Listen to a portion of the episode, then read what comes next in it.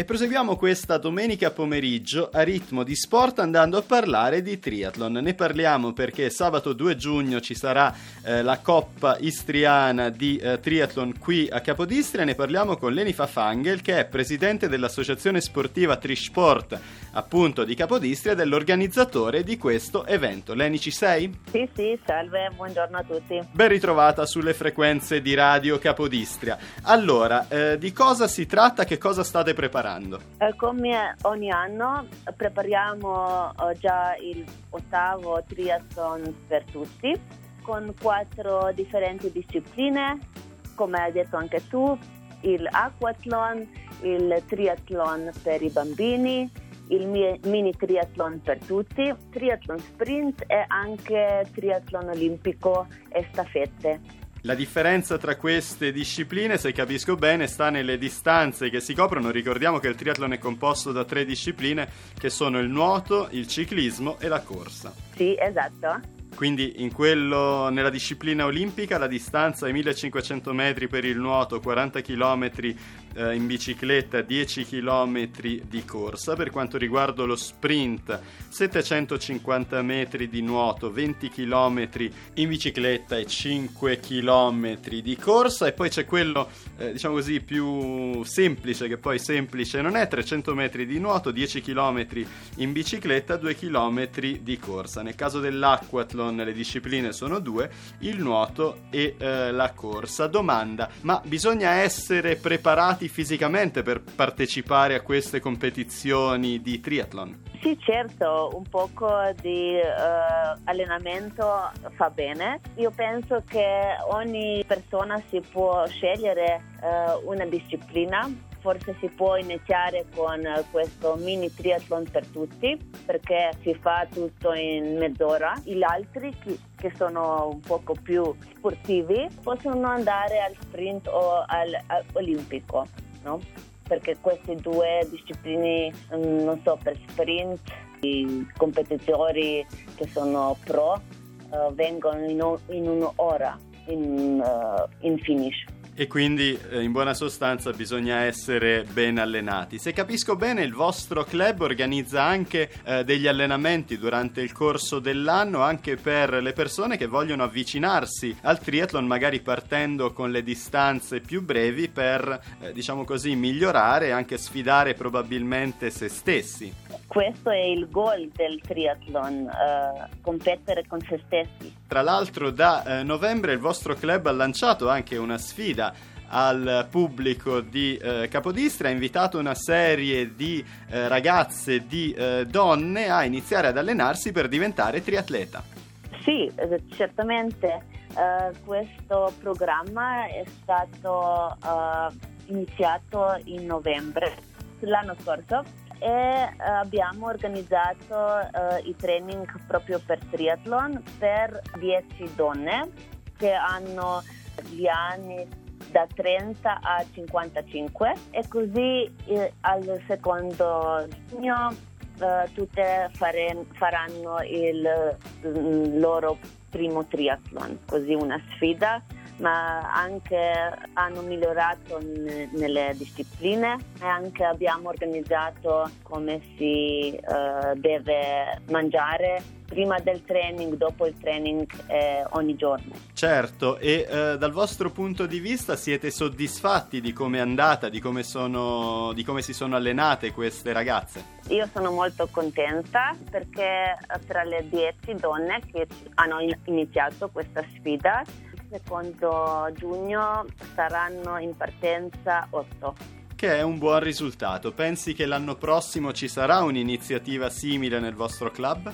Sì, penso di sì. Questa volta penso sarà un gruppo sportivo eh, maschile. Bene, bene. Um, per chi volesse iscriversi, è ancora possibile iscriversi a questa edizione della Coppa Istriana di Triathlon? Sì, sì, certo. Potete guardare sul nostro sito triathlonistra.si uh, o potete anche uh, guardare la pagina del nostro club. Leni, noi continueremo a parlare della sfida alle uh, triatlete uh, tra poco. Io per ora ti uh, ringrazio e ti auguro una buona coppa di triathlon. Oh, grazie mille. Ciao ciao.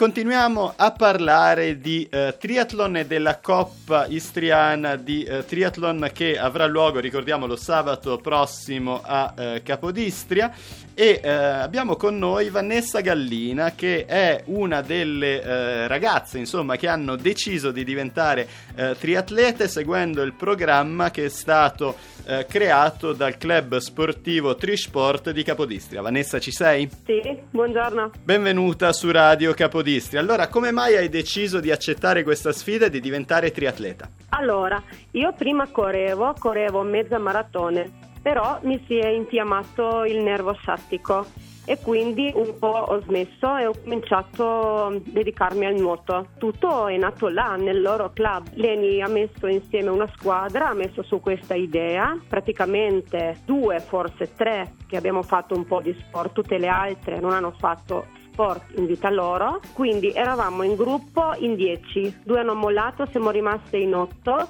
e tutto durava 7 mesi, quindi preparazione alimentare e anche allenamenti. Però non era mica facile perché con lavoro e tutto, domenica eh, ti scegli due allenamenti guidati e tutti gli altri allenamenti Leni ci mandava tramite mail e si faceva, facevamo da sole o ci mettevamo d'accordo e dopo una volta al mese ci hanno fatto il test, ci hanno proprio verificato tipo misura, peso, quanta acqua hai nel corpo, resistenza, forza e quindi così anche potevamo sapere i nostri risultati mese in mese, no?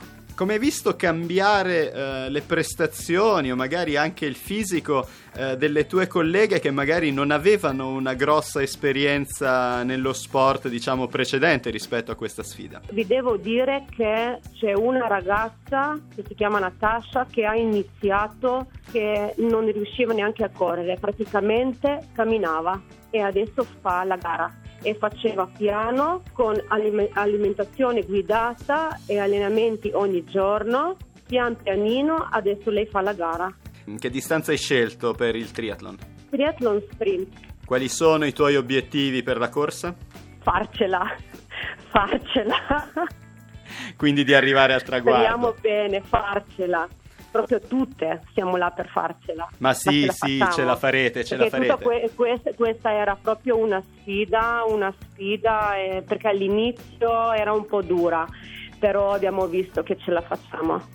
E non, non, non, neanche non ci credo che ce la farò, che tutti mi prendevano in giro e così via, no? Siamo andate tre giorni a Medulin a prepararsi, tre giorni perché anche noi abbiamo già la nostra età, ognuno ha il suo fisico, no? E ognuno ha il fisico diverso e anche gli allenamenti non vanno uguali, praticamente tutto diverso e anche alimentazione, no? Con Bernarda Habé doveva prescrivere per ognuna sul cellulare, sul drive, ogni giorno digiuno, acqua limone, colazione, no, per ogni eh, corpo, per ogni... Eh, il suo mangiare e dopo anche eh, il test che ci facevano una volta al mese durava quattro ore. Sono contenta e dopo anche non è che andava tutto liscio, eh? non è che andava tutto liscio.